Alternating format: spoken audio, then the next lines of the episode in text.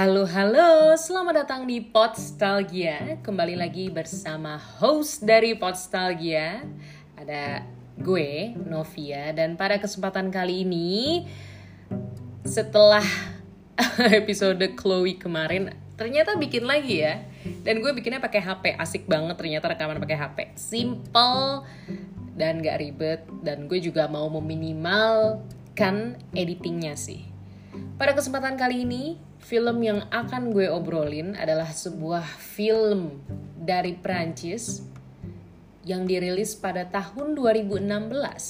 Seingat gue secara internasional itu 2016, disutradarai oleh Paul Verhoeven, dibintangi oleh Isabelle Huppert.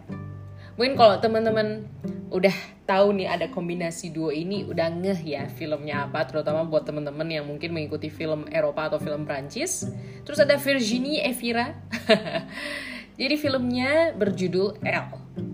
L kayak merek tas L.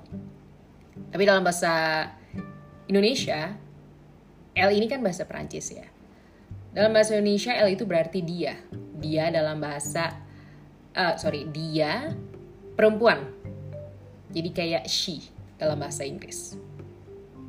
Nah, intinya film L ini menceritakan tentang bagaimana tokoh yang dibintangi oleh Isabelle Huppert ini.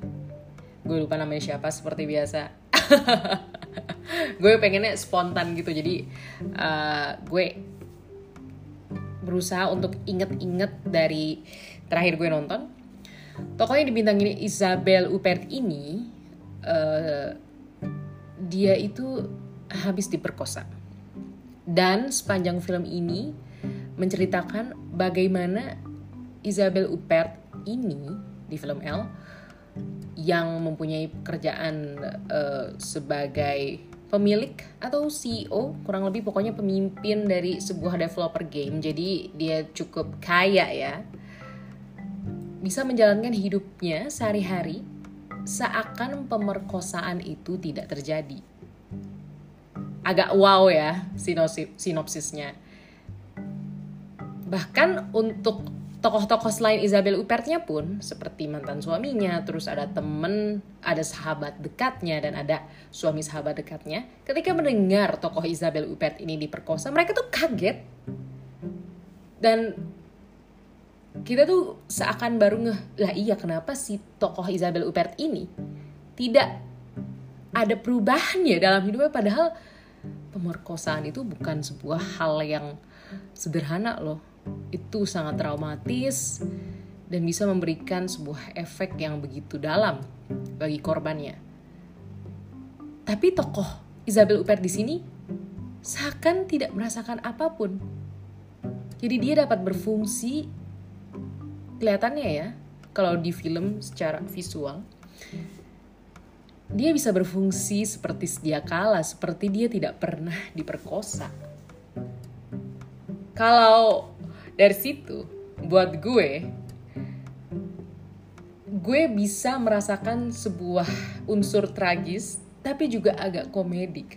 Karena memang film L ini secara tidak langsung merupakan sebuah tragikomedi sih jadi sebenarnya tragis ceritanya, cuma banyak komedi di dalamnya. Bahkan agak spoiler sih. Tapi ketika Isabel Huppert tahu siapa yang memerkosanya, dia malah mau kembali digauli oleh pemerkosanya. Gua pas nonton kayak, wah ini gila nih orang. Gila sih ini film. So. gila banget gila. Setelah gue inget-inget ya ampun. Dan gue tuh uh, nonton film Ellie ini tiga kali. Jadi dua kali uh, di laptop dan satu lagi di Europe on Screen tahun 2017 atau 2018 gue lupa persisnya. Pokoknya antara tahun itu dan gue nonton di EV dan ketika nonton di layar lebar bersama teman-teman penonton lainnya film L itu memberikan sebuah sensasi yang lebih jos karena ya tadi ceritanya tuh unik. Terus logikanya kocak sih. Kocak sih sama logika dari tokoh yang diperankan oleh Isabelle Huppert ini. Terus uh, dia untungnya kalau di film ini ya mungkin merasa agak tenang dengan kondisi dia diperkosa karena dia lebih memilih untuk rasional untuk memilih ya udahlah kalau udah diperkosa ya gimana? Dan itu bahkan ditunjukkan di filmnya dong. Dia dia kan diperkosa di rumahnya. Jadi ada orang asing tiba-tiba masuk ke rumahnya terus dia diperkosa dan ketika dia diperkosa setelahnya dia langsung bersih bersih rumahnya seakan tidak ada apa pun yang terjadi. Gue kayak wow gila ini. Woi itu di astaga Tuhan. Gila dah pokoknya film L ini. Gila banget gila banget. Makanya judulnya juga L ya atau dia perempuan atau she ya karena memang menceritakan tokoh perempuan yang unik banget ini padahal sebenarnya ya meskipun dia pemimpin uh, pimpinan di sebuah developer game terus dia juga punya mantan suami yang masih suka nyamperin gitu terus punya sahabat yang ternyata punya deep relationship dengan dia dan dia punya anak walaupun uh, kalau di filmnya kelihatannya anaknya ya digambarkan cukup manja ya karena anaknya kan mereka kan orang kaya banget. Bahkan punya rumah. Untuk ukuran Prancis punya rumah di Paris sih. Untuk orang Prancis di Paris punya rumah itu berarti bisa dibilang dia orkai. Nah dia udah punya rumah terus anaknya juga punya mobil.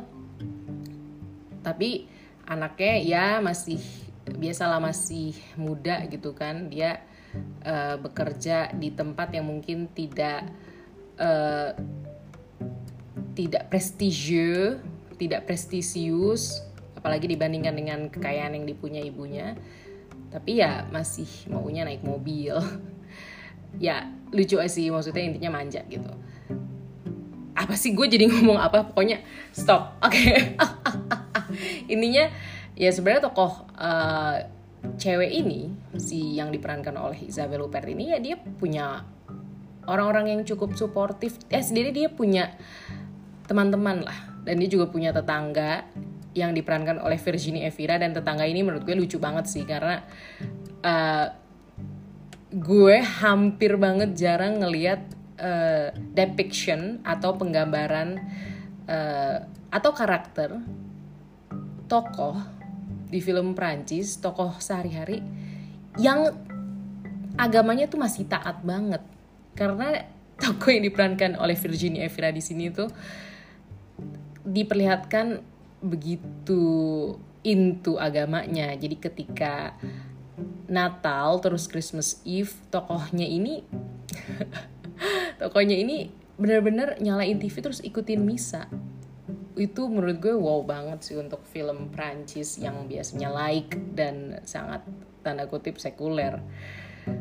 Kelihatannya nggak penting sebenarnya. Ya kenapa kalau emang dia taat, tapi ada suatu dialog di ending dengan karakter dia yang taat itu itu masih kena banget di gue gue nggak bakal bilang konteksnya apa tapi intinya si tetangganya ini yang diperankan oleh Virginia Evira ini dia tuh mendapatkan masalah yang gede banget lah. Menurut gue sih gede banget. Tapi dia bilang gini kurang lebih nggak apa-apa gue punya iman. Gue kayak ah gila. Di film Prancis gue kayak wow banget. Tapi gue salut karena salut juga sama tokohnya karena ya dia bukan cuma performatif imannya tapi dia benar-benar menjalankan iman itu ke aspek hidupnya padahal gue tahu itu masalahnya berat banget jadi setelah gue pikir-pikir sebenarnya L ini nggak cuma ngomongin tokoh yang diperankan oleh Isabel Huppert ya mungkin juga ngomongin uh, she atau cewek-cewek lainnya di film ini. Tapi ya tentu saja fokusnya ke Isabel Huppert gitu. Intinya untuk teman-teman yang mungkin mau cari film Prancis atau film Eropa yang cukup unik, yang agak tragis tapi komedik. Menurut gue lebih komedik sih. Gue kalau kayak inget L gue pengen ketawa tapi sebenarnya topik yang diangkat itu tragis karena sekali lagi berbicara mengenai perkosaan ya namanya juga film Prancis saya suka absurd.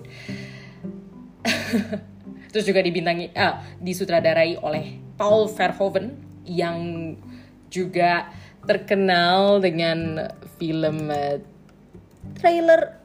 Bukan trailer. Thriller erotis seperti Basic Instinct dan juga menyutradari Benedetta. Walaupun gue belum nonton Benedetta ya tapi dengar-dengar Benedetta ya kurang lebih mirip-mirip lah thriller-thriller erotis. Belum lagi dibintangi oleh Isabel Huppert. Kalau Isabel Huppert tuh gue inget banget dia main di film The Piano Teacher yang disutradarai oleh Michael Haneke dan di The Piano Teacher itu dia juga gila karakternya gila banget jadi ini film intinya seperti menggabungkan beberapa kegilaan dari cerita, dari sutradara. Maksudnya ini gila konotasinya positif ya, walaupun memang ya gilanya juga karena memang di luar di luar apa ya suka memberikan kejutan.